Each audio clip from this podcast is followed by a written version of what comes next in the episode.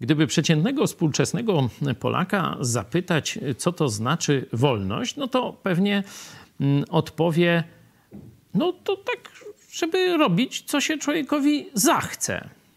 Hmm. No ale warto by dalej się zapytać, a czy mi się dobrze chce?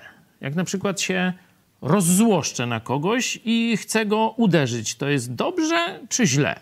Nie? Czy powinienem iść za ciosem, czy za e, swoim impulsem, bo chcę, czy powinienem się zatrzymać? No i wtedy dylematy. To zaraz.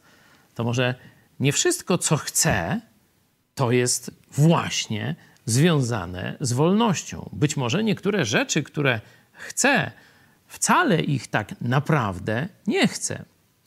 Odsyłam Was do takiego antycznego rozumienia wolności. To jest Psalm 119, werset 45.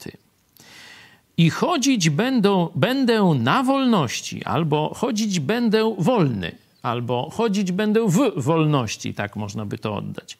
I chodzić będę wolny, bo szukam rozkazów Twoich.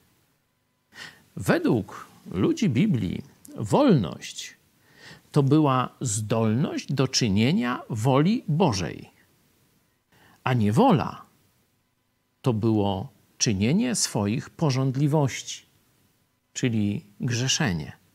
Niewola grzechu. Stąd Jezus właśnie o tym mówi, że przyszedłem wyzwolić tych, którzy są właśnie skuci, można powiedzieć, jarzmem grzechu. Kiedy będziesz zastanawiał się nad tym, że Bóg ci czegoś zabrania,